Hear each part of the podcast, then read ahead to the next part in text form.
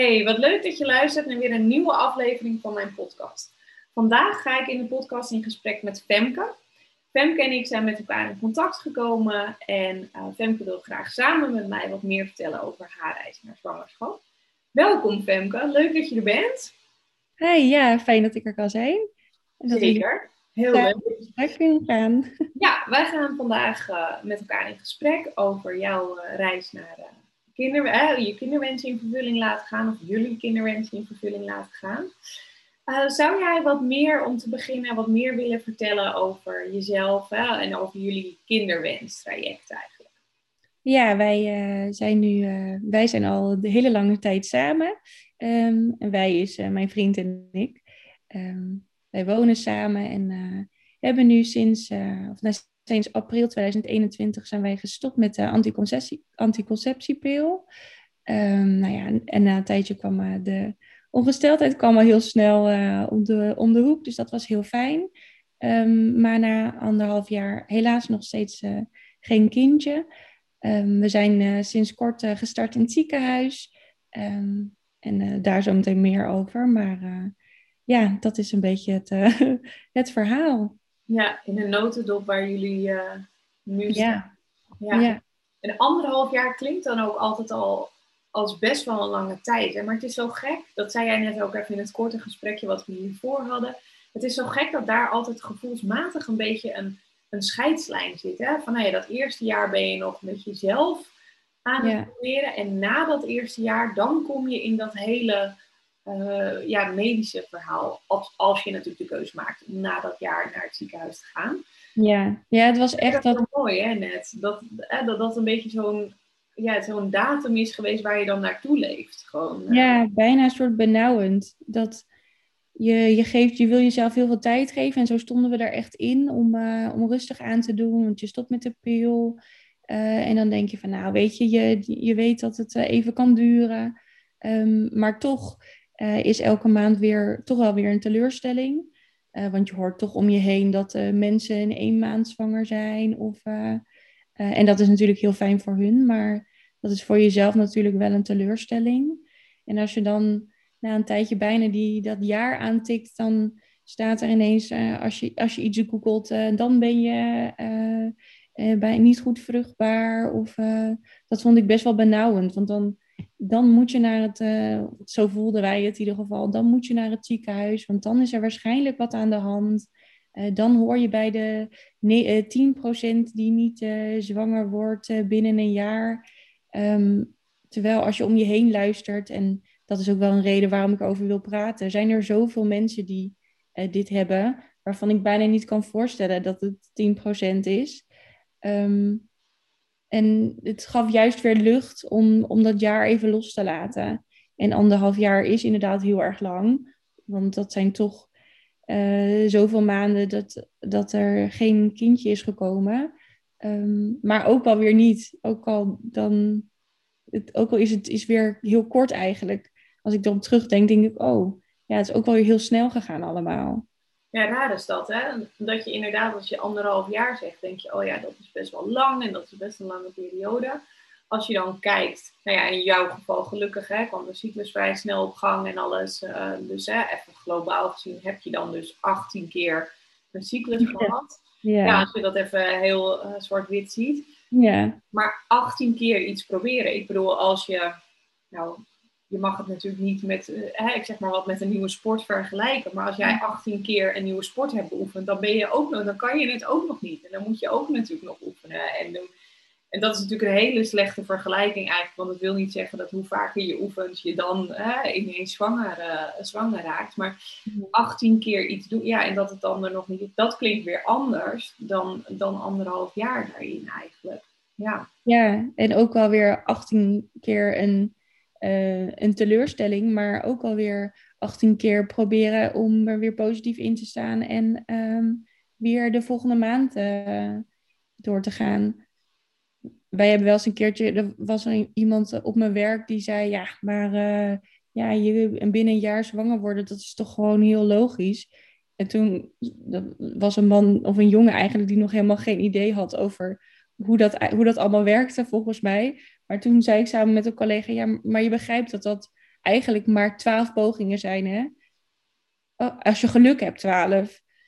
Oh ja, oh ja. En ik, ja, weet je, dus je merkte aan hem dat, je, dat hij totaal geen idee had over ehm, dat die kans eigenlijk helemaal niet zo heel erg groot is. En dat het altijd maar lijkt alsof mensen zomaar zwanger worden. Ehm, terwijl dat eigenlijk helemaal niet de realiteit is. Nee, en ik vind ook, ik weet niet hoe, hoe dat voor jou was, maar ik weet dat ik zelf ook gewoon dat jaar, weet je wat jij net zegt, hè, dat dat gewoon, dat is het dan. Dat jaar ook gewoon wel in mijn hoofd had van oké, in dat eerste jaar, hè, dan komen er van die momenten en dan zou het moeten lukken. Want dat is wat je leest, hè, op het moment dat je ik heb gegoogeld dat ik stopte met de pil. Dat ik dacht, ja, uh, wat gebeurt er eigenlijk? Wat moet ik nu doen? Moet ik dingen doen? Dat ik het ging opzoeken en dan lees je daar natuurlijk over. En dan denk je, oh ja, dit jaar, hè, dit eerste jaar moet het dan lukken. Nou ja, dan lukt het niet. Oké, dat was dan het eerste jaar. En dan, weet je, wat, wat komt er dan allemaal op je pad? Wat gaat er dan gebeuren? Waar ga je heen? ik denk dat het heel veel onwetendheid is ook inderdaad, wat jij zegt, hè, van dus die collega, eh, maar ook van jezelf als je daarin start. Dat er zo weinig informatie over te vinden is. Ja, weet je, natuurlijk zijn er FIFA-fora's en hè, kan je mama plaatsen helemaal uitpluizen en dat kan allemaal. Maar die echte, ja, wat mensen echt meemaken dan in, in dat eerste jaar, ja, veel teleurstellingen, maar inderdaad ook jezelf weer herpakken. Toch die hoop hebben, want ik denk dat eigenlijk iedereen wel iemand in zijn omgeving heeft die zegt: Oh ja, maar het was bij ons zo'n verrassing. We waren gelijk de eerste maand zwanger. En als jij dat dan niet hebt, denk je: Oh, oké. Nou, dat was hem niet. Oké, het was misschien een beetje snel. Laten we doorgaan naar de volgende. En dat, hè, zo hou je dat jezelf continu voor. En toch komt er zo'n moment dat je dan denkt: Oké, en nu is het nog steeds niet gelukt. Wat nu? Je, hoe gaan we nu verder? Gewoon. Ja, je wil vooral ook niet zeg maar, het voelde eigenlijk als je niet binnen een jaar zwanger was, dat je dan een soort had gefaald. Want dan hoor je bij de, bij de onderkant en niet bij de bovenkant. Zeg maar, zo voelde het een beetje. Ja. Ehm, terwijl als je, uh, wij zijn toen best wel snel naar de huisarts gegaan, ook voor ons eigen gevoel van, oké, dan laten we het even, even checken. Want in onze omgeving, um, in mijn familie, hebben mensen ook wel verkleefde eierstokken. Um, dus ja, dan toch maar even kijken of, het, of, of het zoiets is. En dat gaf, gaf weer heel veel lucht, omdat daar juist weer naar voren kwam dat het helemaal niet raar is als dat niet binnen een jaar lukt. Of, um, ja, en of jij in, in, de omgeving, als je er meer over gaat praten, dat, dat je het zoveel hoort, um, dat het helemaal niet voor de, hand, voor de hand ligt. En dat is juist, vind ik persoonlijk, heel prettig en fijn om te horen, dat je er niet alleen in staat. Um, en dat die onzekerheid bij heel veel mensen speelt. Ja, ja en dat is ook wat je net zei, hè, dat je dan hoort van, oh, het is 1 op de 6 stellen of hè, 10% die daarmee te maken heeft. Maar ik deel volledig die mening wat je net aankomt, dat het gewoon, dat percentage, dat moet hoger liggen.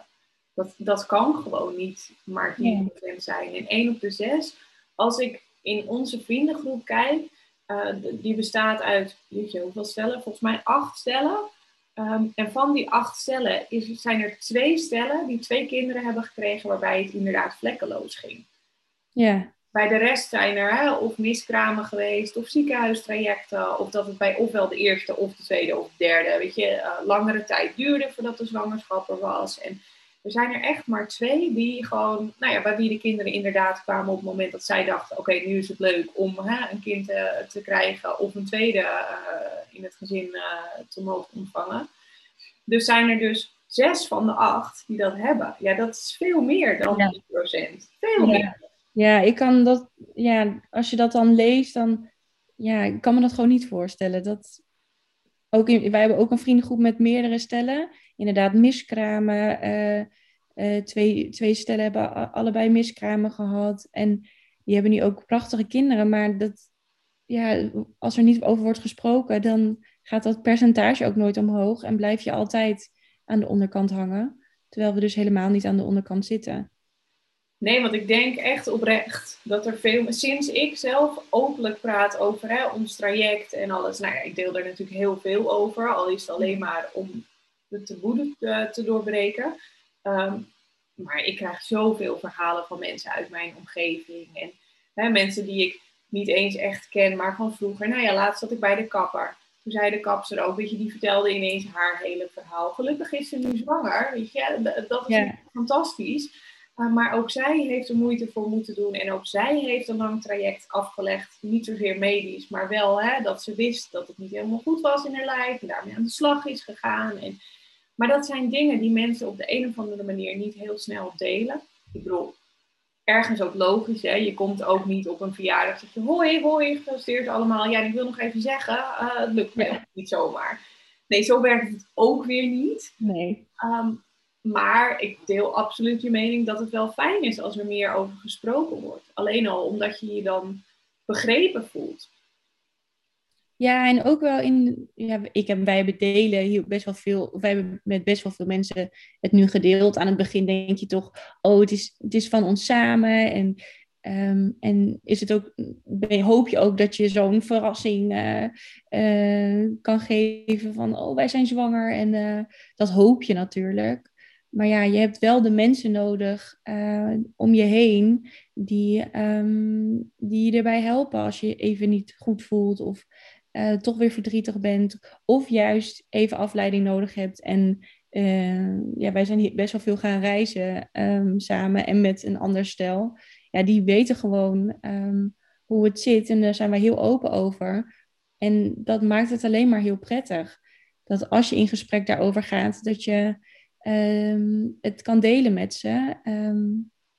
en dat als ik hoop dat zij dit probleem niet hebben, dat ze deze problemen niet krijgen. Maar ja, uh, als het zo is, dan weten ze in ieder geval dat het erbij kan horen uh, bij de onzekerheid van zwanger worden. Want het klinkt allemaal uh, fantastisch. Wij gaan stoppen met de pil, maar er komt veel meer bij kijken dan dat je ooit had gedacht eigenlijk. Ja, ja. en hoe heb jij dat, of hoe hebben jullie dat gedaan? Het, het dus delen met andere mensen? Mm, met de mensen die dichtbij ons stonden, um, hadden we al best wel snel gedeeld met mijn zus dan uh, voornamelijk. Wist ze eigenlijk gelijk dat we waren gestopt met de pil. Um, gewoon omdat wij zoveel met elkaar delen dat dat gewoon uh, heel natuurlijk gaat. Um, ja, na een tijdje dan komen er natuurlijk ook wel vragen van de mensen. En dan kom je toch wel in gesprek. En eigenlijk ben ik altijd wel een open boek over, over alle andere onderwerpen. Um, en zo kom je dan toch meer uh, in gesprek uh, over dit onderwerp. En na een tijdje voel je ook wel een soort van, ik denk of dat andere mensen het misschien voelen aan je, dat er iets speelt of dat er iets is. Um, en dan heb ik liever dat, je, dat ik het gewoon deel. Um, in een, gewoon heel natuurlijk, niet ineens inderdaad, uh, nou, uh, goedemorgen, dit, dit is hoe het is. Nee, zeker niet, maar wel, ja, dit is wel wat er nu speelt. Um, in onze hoofden. Um, maar we zijn niet zielig, dat wil ik altijd zeggen, want ik ben niet zielig. Dat, ik ben altijd bang dat mensen dan op eieren gaan lopen om je heen, dat ze niet meer durven te zeggen dat ze zwanger zijn. Of dan is het gesprek altijd weer gelijk een beetje vervelend of zo. Mensen durven dan nooit meer te zeggen van, oh ja, die, die is zwanger of uh, die, uh, dat, dat, is niet, uh, dat, is niet hoe het, dat is niet hoe het werkt. Um, want ik ben gewoon een gelukkig persoon. Um, er, mist, er, er mist alleen nog iets uh, wat ik heel graag wil. Maar eigenlijk ging het delen wel, ging eigenlijk wel makkelijk. En ja, soms moet je erbij huilen en soms niet. En soms ben je heel emotioneel en de andere keer kan je er heel goed over praten. Um, maar dat ligt ook een beetje aan, aan de persoon waarmee je het deelt. Ja, het vind ik wel mooi dat je dat zegt. Ik weet zelf dat ik eigenlijk de vragen altijd vermeden heb. Dat ik gewoon hè, als mensen. Ik heb zelf ook geen ruimte gegeven dat andere mensen daarnaar mochten vragen of zo. Ik nee. lachte ook wel opmerkingen weg.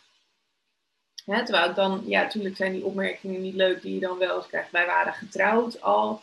En hè, dan kregen we, nou, uh, wanneer komen die kinderen nou eens? Of nou, uh, weet je, uh, mijn man is acht jaar ouder dan wat ik ben. Dus dan kreeg ik wel iets van, je moet niet te lang wachten, hè? Want je weet toch dat hij acht jaar ouder is. Dan dacht ja, zou ik het liever willen dan het nu, zeg maar. Hè? Maar dat gaat niet. En ik maakte daar zelf ook een beetje een grapje van, omdat het gewoon te pijnlijk was. Ik, ik, ik kon daar niet zo openlijk over praten. Dus ik vind het heel mooi wat je zegt van, hè dat je dat wel doet en dat je daar dus ook echt wel heel veel uithaalt. Ja, ik herken wel ook de grappen hoor, die ik dan zelf maak. Want wij, wij zijn verhuisd en dan uh, naar een groter huis. Natuurlijk ook wel met, um, met de gedachte van, nou, dan, kunnen, dan mogen daar kinderen uh, bij komen. Um, en er was één kamer, nou, daar staat nu een kast in en wat rommel. En iedereen die bij ons uh, kwam kijken bij, bij de housewarming, zei natuurlijk: hé, hey, ja, dat is de babykamer. Dat ik na een tijdje, als mensen bij ons kwamen, gewoon zei: Nou, jongens, dit is de babykamer. Ik ben nog niet zwanger, maar hier is de babykamer. Gewoon dat ik dacht: dan is het maar gewoon nu niet open. Want anders dan gaat iedereen, dan denkt iedereen het maar. Uh, dan zeg ik het maar gewoon. Uh, en daar schokken mensen soms een beetje van. Omdat ze dachten, jeetje, waar, waarom zeg je dit eigenlijk? Um, maar ja, dat was dan ook wel een beetje om mezelf te beschermen. Uh, om ervoor te zorgen dat je het voor bent. Ja. Dus ik, ik, herken het wel, dat, dat je dat soort dingen doet. Um, of op mijn werk, als, als iemand dan uh, zegt: Oh, en uh, hoe zit het met jou dan? En dat ik dan zeg: Nou ja, weet je, eerst even ons huis afmaken. Of uh, nou, we doen rustig aan en uh, we hebben alle tijd. Terwijl je eigenlijk denkt, dat is helemaal niet waar. Maar ik heb gewoon geen zin om hierover te praten met jou. Ja. ja. Maar dat is een beetje... verschillend per persoon natuurlijk. De ene persoon ja. wil het wel vertellen en de andere persoon gewoon liever niet. Nee, maar ja, de mensen die... Uh, waarvan ik eigenlijk denk, daar hoef ik het niet mee over te hebben. Die vragen gerust. en wanneer, wanneer word je zwanger? Dat je denkt, nou, um, dit is niet een gepaste vraag om te stellen, maar goed. Ja. Heb je daar wel eens op gezegd, als je zo'n soort vraag krijgt van, uh, nou, sorry, ik vind het niet gepast, of uh, juist een hele, uh, ja, hoe zeg je dat? Ik wou zeggen een beetje een bold opmerking terug. Die zegt, nou, en wanneer ga jij afvallen of zo, weet je, ik bedoel... Ja, nou, niet echt. Mijn vriend wel hoor. Die heeft wel eens op zijn werk, die die, heeft toen wel eens gezegd van, uh, toen, was, toen was het nog niet eens aan de orde, maar die zei, ja, wat nou als het nu niet lukt dan? Wat als je nu de hele tijd aan mij, dit aan mij vraagt en uh, die heeft dat wel eens een keer gedaan. Uh, daar schrok diegene ook wel heel erg van. Maar ja, vervolgens gaan ze er gewoon mee door. Dat je denkt, hm, hallo, heb je een bord voor je gezicht? Maar ja, dat zijn denk ik mensen die hier niet op, van op de hoogte zijn. Um, en niet weten en dat niet hebben ervaren hoe het is om hierin te zitten. Ja, ja, ik moest hier aan denken, omdat ik weet, een vriendin van mij die heeft, uh, uh, die hadden volgens mij hun eerste dochter toen. En zij wist wel hè, dat, nou ja, haar lijf was nog niet helemaal hersteld en ze deed er zelf ook niet echt heel hard haar best voor. Uh, want ze vond dat prima. En toen zei een collega inderdaad tegen haar van, oh wat leuk, je bent weer zwanger van de tweede. Mm. En toen is zij echt compleet nou ja, hè, uit haar stekker gegaan. Gewoon echt dat ze zei uh, van, hè, ten eerste zeg je me nu hè, dat ik dus zwanger ben, terwijl ik eigenlijk al ongelukkig ben met mijn lijf. Dat ik daar niet zoveel hè, mijn best voor doe, nog omdat ik het allemaal gewoon even niet weet en heel heftig vind met een, met een kind. Gewoon nu even de eerste periode.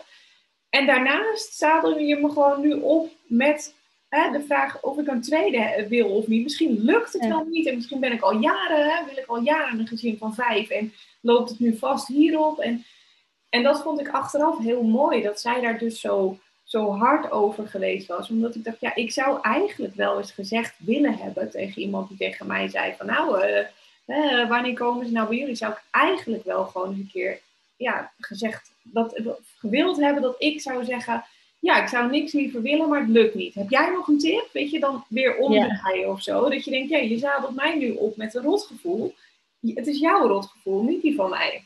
Ja, ja nou, dat, uh, dat herken ik wel hoor. En, uh, maar in mijn omgeving weten eigenlijk de meeste mensen het nu wel. Dus die zouden dat dan niet meer zo snel, uh, zo snel vragen. Maar inderdaad, soms dan denk je wel van... Hallo, mm, wat denk je wel niet? Dat kan je gewoon niet, dat kan je gewoon niet vragen. Nee. Maar toch blijft dat, een, blijft dat een ding. En ik heb zelf ook, daar moet ik eerlijk over zijn um, bij vrienden of bij anderen, dat ik denk, oh, zou, die, zou ze misschien zwanger zijn? Zou ze misschien tweede willen? Tuurlijk spelen die gedachten in mijn hoofd uh, bij anderen. Uh, en dat heeft iedereen en dat is ook logisch. Um, maar ik zou die nooit hardop stellen aan iemand die, um, waar je daar dat gesprek niet mee aangaat. Ja. Want dat gaat mij verder niks aan. Nee, nee. Dat moeten mensen wel, uh, wel gaan beseffen. Ja, ik denk dat dat een hele belangrijke is. Ja, mijn schoonzusje voegde laatst ook daar iets aan toe. Ehm, hè, want toen had ik daar ook iets over op Instagram gezet. En die stuurde mij toen apart een berichtje. En die zei, ja, ik, ik zie het bericht wat je plaatst. En nou weet ik duizend procent zeker dat zij absoluut niet zo'n opmerking heeft geplaatst. En dat, zij stuurde toen van, ja, weet je, voor ons was het ook lastig achteraf om te horen dat jullie daar zo mee geworsteld hebben. Want wij konden er ook niet voor jullie zijn op dat moment. Toen dacht ik, oh ja, dat is ook de andere kant natuurlijk nog daarin. En ik denk dat dat in jullie geval natuurlijk ook, hè, in ieder geval voor de mensen die dichtbij je staan, ook fijn kan zijn dat je een soort steun mag zijn in zo'n lastig traject. Ja, maar ja, dat, dat is heel fijn. Ehm, eh, en ze, vragen er, ze mogen er ook altijd naar vragen hoor. Want ik zeg altijd, als ik er geen zin heb om over te praten, dan zeg ik, ik heb geen zin om erover te praten. Um, wat ik bijvoorbeeld wel heel lastig vond. Mijn moeder wist dat we na een tijdje dat we gestopt waren met de anticonceptie. Maar toen had ik eigenlijk niks meer gezegd. Een langere tijd.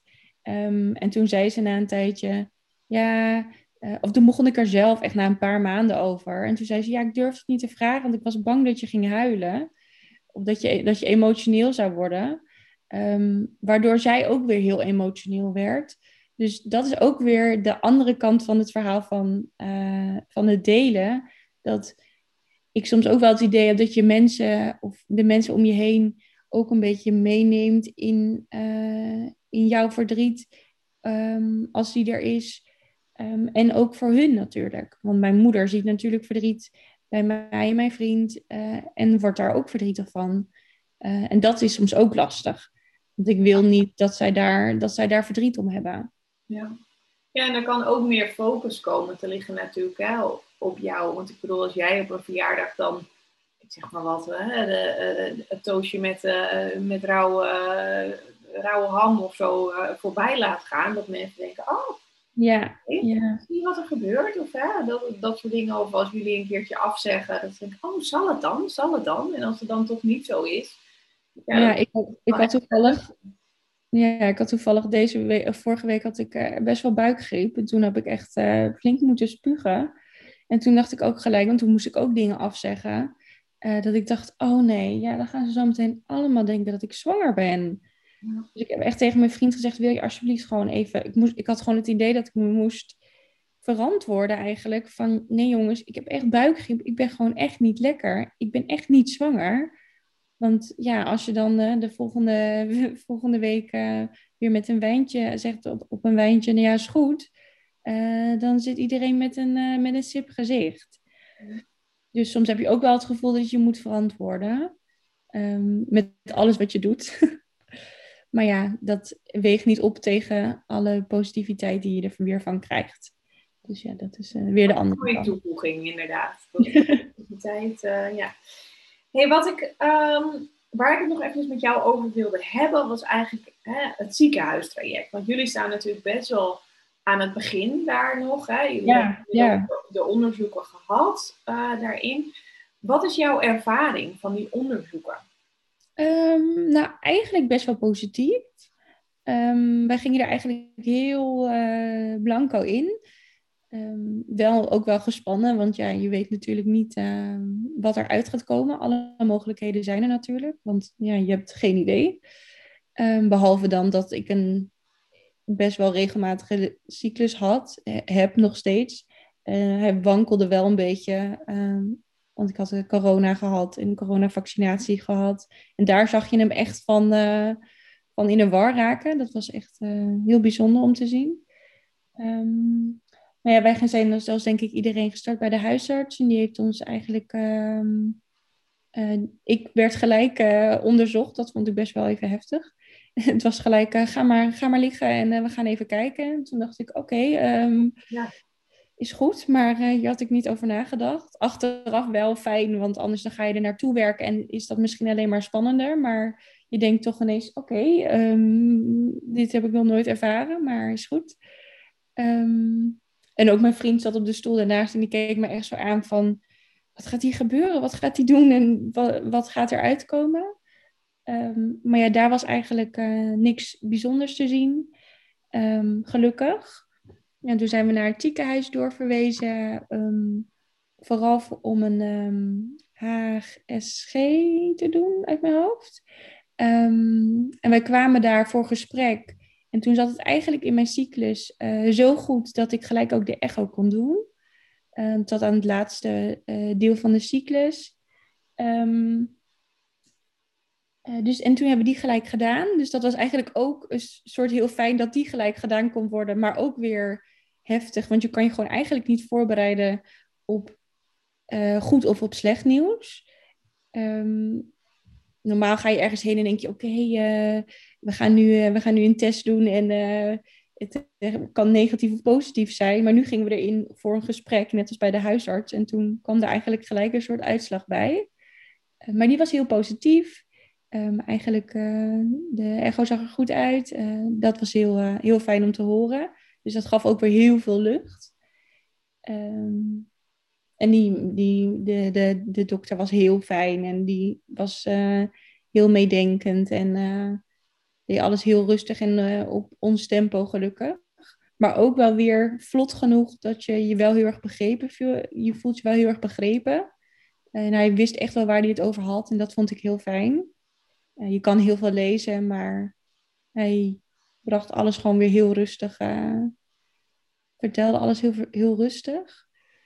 De HSG vond ik wel, uh, wel heel pittig. Dat was, was gewoon emotioneel wel heftig. Was ook net voordat we uh, op vakantie uh, gingen. En die kwam eigenlijk ook weer sneller dan, dan verwacht, omdat het qua cyclus goed uitkwam. eigenlijk hoop je dan dat je, het gaat er dan of je net niet zwanger bent, zeg maar. En dan, dan moet je er, of dat je wel of niet in je ovulatietijd zit dat was wel een beetje een gekke periode. Want je hoofd staat dan eigenlijk van... Uh, wij moeten nu uh, seks hebben en een eh, kindje maken. Maar nu moet ik eerst um, iets anders doen. En je zit dan eigenlijk, of dat was in ieder geval in mijn geval... bij het röntgenfotodeel. En eigenlijk zat daar iedereen met een gebroken been of een... Um, of een gebroken arm of iets waar je een röntgenfoto van moest maken. Maar wij zaten daar als stel met een heel ander gevoel. Dat was wel een beetje vreemd. Ook omdat je precies zag wie uh, naar welke kamer ging. Zag je precies eh, wie met welke gedachten uh, daarheen ging. Of dat gevoel had ik in ieder geval. Ik denk dat als iemand daar met een gebroken teen zit, dat niet zag. Maar dat was mijn gevoel. We moesten ook best wel lang wachten. En daar werd ik ook best wel zenuwachtig van omdat je niet weet wat er gaat gebeuren. Ik had wel wat dingen online gelezen, maar die waren eigenlijk alleen maar negatief. Ehm, en toen we daar eenmaal binnenkwamen, nou, dan mag je in een apart hokje en dan mag je gelijk uh, je uitkleden van onderen. En dan ben je eigenlijk, vind, vond ik in ieder geval, heel erg kwetsbaar. Want iedereen um, ja, heeft heel krom gezegd kleding aan en jij loopt daar als enige zonder onderbroek, uh, loop jij die kamer binnen. Je hebt geen idee wat er gaat gebeuren. Um, en nou, mijn vriend moest gelijk zo'n pak aan tegen de, tegen de, bestra of tegen de straling. Um, en ik mocht gaan zitten. Nou, die, ze stelde zich wel voor. Um, maar je kijkt om je heen en je ziet zoveel apparatuur en dingen waarvan je niet weet wat, er, wat, dat, wat dat gaat doen met je lijf. Of um, wat überhaupt de bedoeling is eigenlijk. Dus ik ging zitten en ik merkte aan mezelf dat ik heel emotioneel werd. En toen vroeg die vrouw, gaat het wel? En toen moest ik heel erg huilen. Um, maar meer van de spanning en um, ook wel met het idee van, oké, een maand geleden wisten we nog niks en nu zitten we ineens, zit ik ineens hier en, en moet ik met mijn benen wijd en uh, waar zijn we eigenlijk in beland? En mijn vriend had dat elke keer wel, ja, dan gaan we de malle molen in, dan gaan we de malle molen in. Um, en ik dacht elke keer, ja, weet je, we doen wat er moet gebeuren en het maakt me niet uit als, als het maar lukt. En nu dacht ik ineens, oké, wat is dit allemaal? Um, maar die mevrouw was heel fijn en heel aardig en die zei, het komt helemaal goed. Die heeft alles stap voor stap uitgelegd en was heel vriendelijk. En uh, nou ja, toen was het onderzoek en dat was eigenlijk helemaal, uh, was eigenlijk helemaal niet spannend, helemaal niet erg. Ja, leuk is anders, maar um, ja, je doet, waar, je doet het omdat je weet dat het, uh, dat het blijkbaar nodig is om het te onderzoeken. Um, En we kregen gelijk ook de uitslag. Je kon gelijk meekijken. Dat wist ik ook niet. Dus weer een soort uitslag voordat ik überhaupt niet wist dat er een uitslag zou komen. Um, maar eigenlijk was dat, viel het ontzettend mee. Um, ja, en voor de rest hebben we uh, alleen nog een uh, contact gehad met de, met de, uh, met de ziekenhuis voor, de, voor, de alle, voor de alle uitslagen. Um, ook bloedtesten hadden we ook gehad. Die waren eigenlijk ook allemaal prima. Um, dus ja, toen kregen we het advies om nog heel even een halfjaartje te gaan proberen. En als, het, als we er dan klaar voor zijn om te starten met een hormoonbehandeling van IUI. Ja. ja. mooi dat je zegt dat het in jouw geval best wel een positieve ervaring is van de HSG. Want dat is inderdaad wel zo'n onderzoek als je daarop gaat zoeken, als je gaat googlen daarop inderdaad en ervaringen leest, zijn die inderdaad overwegend negatief. Ja. Het is ook wel herkenbaar wat je zegt. Dat je, ik, ik, jij vertelde dat over de, nee, die ruimte met die, ja, al die apparaten en zo. Denk ik, oh ja, jeetje. Ik was ook weer even terug in, in eh, de, het ziekenhuis waar, ja, waar wij toen waren. Ja, mijn ervaring met een HSG is iets minder positief. Maar dat kwam meer omdat ik uh, zelf, ik, ik bleek allergisch te zijn voor contra jodiumhoudend contrastvloeistof. Ja, ik bedoel, dat is natuurlijk een allergie wat je niet weet. Nee. Uh, nee, ik bedoel, hoe vaak gebruik je dat nou? Uh, dus ik kreeg een allergische reactie op het spul wat ze gebruiken daarin. Dus ik werd uiteindelijk met een brancard naar de spoedeisende hulp gebracht en heb daar nog de hele middag verder doorgebracht. Ja, nu achteraf denk ik, ja, het was ook wel weer grappig, zeg maar. Want hè, ja, ik, had, ik had niet zo heel veel last ergens van. Nou ja, los van het feit dat ik heel duizelig was en heel erg opzwol. Ik had echt, nou ja, mijn hele gezicht was dik en mijn handen en alles was, zeg maar. Ik weet, ken je die film? Met, dat is zo'n film met volgens mij Will Smith of zo. Dat hij ook, dan schijnt hij ergens allergisch voor te zijn. En dan, dan zwelt hij helemaal op. Nou, zo, ik was een soort Shrek, zeg maar, geworden. Gewoon helemaal uh, rood. Um, en ik vond het wel echt pijnlijk, die HSG zelf. Maar het is goed om inderdaad, eh, voor de luisteraars ook om te weten dat het dus echt ontzettend per persoon verschilt. En dat het dus ook heel anders kan zijn. Want ik denk dat dat, het, het is een heel uh, intens onderzoek. Weet je, bloedprikken is dan nog wel dat je denkt, nou oké, okay, ik ga bloed prikken. En dat is met een zaadonderzoek voor de man zit er natuurlijk hè, wel iets druk achter, omdat je dan moet presteren. Oh ja. Ja, maar dat is, dat is wel wat het is. Maar zo'n HSG is natuurlijk inderdaad wat je zegt. Dat je, je bent toch in je blootje. En je moet weer voor een vreemde toch wel weer hè, je benen moeten wijd. En dat ja. allemaal natuurlijk inwendig. Dus dat is echt wel gewoon in dat opzicht heel kwetsbaar. Dus het is wel denk ik fijn om te weten dat er ook gewoon positieve ervaringen mee zijn. En dat je het dus niet zo heftig hebt ervaren als de verhalen die je leest en die je hoort daarover. Nee, ja, ik vond het inderdaad niet per se. Ja, kijk, weet je, leuk is anders. Ik ben ook best wel. Um, volgens mij is mijn pijngrens ook best wel hoog. Um, dus ja, je, het voelt inderdaad niet, het voelt niet prettig, want er, er, zit er, er gaat iets in en dat is gewoon niet fijn. Um, maar ja, ik heb altijd wel het idee dat hoe, hoe meer je ontspant, hoe beter. Um, en inderdaad, eigenlijk ben ik ook nog vergeten te zeggen dat mijn vriend natuurlijk onderzoeken heeft uh, gedaan. Um, wat ik eigenlijk spannender vond, uh, de uitslag vond ik eigenlijk spannender dan de uitslagen van mijzelf. Ja, dat herken ik, ja. Omdat, ja, als het bij hem niet goed zou zitten, dan houdt het toch wel gauw op in, in, met z'n tweetjes. Met, bij een vrouw kan, heb je toch nog, in, voor mijn gevoel, meer opties. Um, dus dat vond ik eigenlijk spannender dan, um, dan alle dingen bij mijzelf. Ja, dat herken ik wel inderdaad. Dat ik dat ook heel spannend vond. En nu achteraf ben ik heel blij dat ik weet dat ook de man veel kan doen aan hè, de vruchtbaarheid en de kwaliteit en de kwantiteit. Maar dat weet je inderdaad niet zo erg. Er wordt zoveel meer gesproken over de vrouwen en wat er bij de vrouwen allemaal kan. En de hormoonbehandelingen zijn natuurlijk heel erg gericht op de vrouw als je in een medisch, uh, medisch traject komt, niet op de man. Uh, dus dat is wel inderdaad lastiger dan gewoon uh, in ieder geval in je beeldvorming. Ja, zeker. Ja, en ik moet zeggen, wij werden gebeld en wij kregen een uitslag daarvan. En wij keken elkaar aan van, oei, dat is niet goed. En toen daarna zei hij, oh, maar dat is helemaal goed. Toen dacht ik, ja, eigenlijk heb je ook geen idee wat ze eigenlijk allemaal zeggen. En wat, wat is nou goed en wat is nou niet goed? En wij kregen bloeduitslagen van, van mij dan, waarvan ik ook dacht, ja, hier kan ik dus echt helemaal niks mee. Um, bedankt dat je dit hebt toegestuurd, maar dus ik ben maar gaan googelen van wat, wat zijn überhaupt deze uitslagen en wat zegt dit dan over ehm, de mogelijkheid voor mij om zwanger te worden. Ehm, en dat wordt ook niet echt uitgelegd nog. Dat, daar heb ik niet veel informatie over gehad. Dat heb ik toevallig zelf allemaal uh, opgezocht. Kwam je er goed uit met het zelf opzoeken? Mm, niet altijd. Ehm, je wil ook wel echt sites die betrouwbaar zijn. Ehm, en, je, en er staan gewoon heel veel verschillende verhalen, überhaupt, over ehm, wat goed is en wat niet goed is. En wat, wat je moet doen en wat je niet moet doen. En toen dacht ik ook alleen maar, oké, wat ik ga doen is bij mezelf blijven. En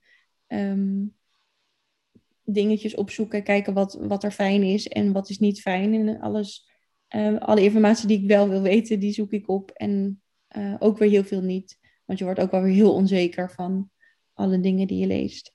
Ja, ja. ja ik denk dat dat altijd mijn grootste tip is. Stop met googlen. Ja. Echt, dat is... Ja, ik zeg dat heel vaak, hè, dat, dat ik dan weer zelf beland ik dan weer op een een FIFA-forum van 2002, waarin ja. Wens mama 1980 uh, hartje hartje zei uh, hoe het was geweest, weet je? Ja. Dat je denkt, oh ja, maar waarom? En toch blijf je het lezen. Ja. Blijf ja. gaan. En zelfs de volgende maand, als je weer gaat googlen, dan is die link al van Google is al blauw gekleurd, omdat je hem al aan hebt geklikt, maar je gaat weer. Dat ja. de drang dat... naar informatie of zo en het onzeker. Je zoekt denk ik een soort zekerheid ja. onzeker. Ik denk dat ik elke maand ook wel google symptomen zwangerschap. Ja.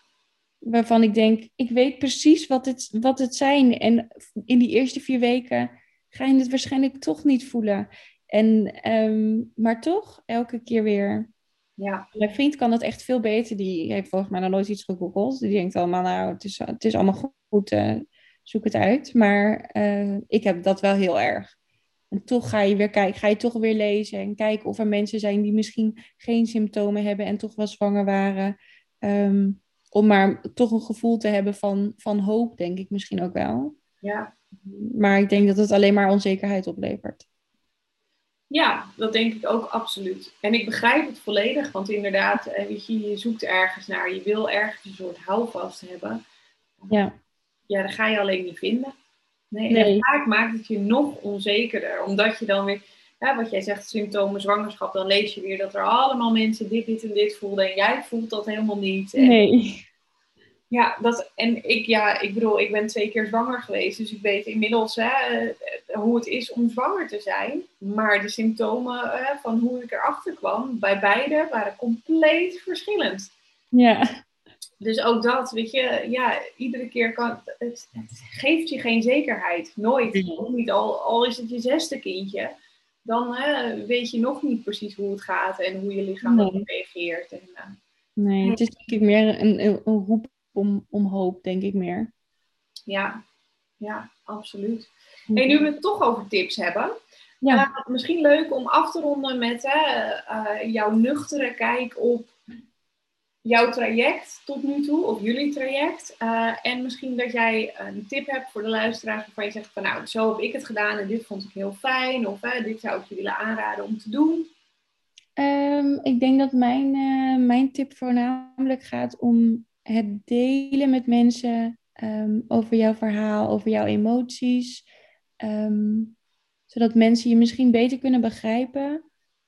Um, maar wel met de mensen waarvan jij denkt, waarmee je het wil, mee wilt delen. Als het je ouders zijn, je ouders. Of als het je vriendin is, je vriendin. Maar dat heeft mij, of dat helpt mij nog steeds enorm in, in, in dit traject. Want uh, alleen kan, ik kan het niet alleen. Hebt, ik heb die mensen nodig. En wij eigenlijk hebben de mensen nodig om ons heen. Om het erover te kunnen hebben. Um, of, om, of juist om het er niet over te hebben. Um, En dat geeft juist ehm, ja, heel veel vrijheid om, ja, om verder te gaan eigenlijk. Mooi. Ja. Mooi wat je ook aan toevoegt dat het jullie geeft om te praten. Om het, daar, ja. om het ja, te delen met mensen. En, uh, ja, mooie tip. Ja, ik hoop dat mensen daar wat aan hebben. En uh, sowieso dat het vaak, uh, vaker benoemd mag worden dat het niet vanzelfsprekend is dat een zwangerschap om de hoek komt kijken. Ja, nou ja, daar heb je in ieder geval nu een heel groot aandeel in gehad. Dat is, uh, je hebt heel erg uh, mooi gedeeld wat het voor jullie is en wat daar achter zit. Dankjewel. Dankjewel voor jouw uh, verhaal, voor, voor het fijne gesprek wat we zo samen gevoerd hebben. En ik hoop inderdaad dat heel veel mensen er heel veel steun aan hebben als ze deze podcast kunnen luisteren. Ja, geen dank. Jij bedankt. Graag gedaan. Graag gedaan. Om de wereld iets, iets mooier te maken. Zeker, ja. En voor jou als luisteraar, dankjewel voor het luisteren naar deze podcast. Het gesprek uh, samen met Femke over haar weg naar kinderen en de kinderwens in vervulling laten gaan. Dankjewel voor het luisteren en uh, tot de volgende podcast.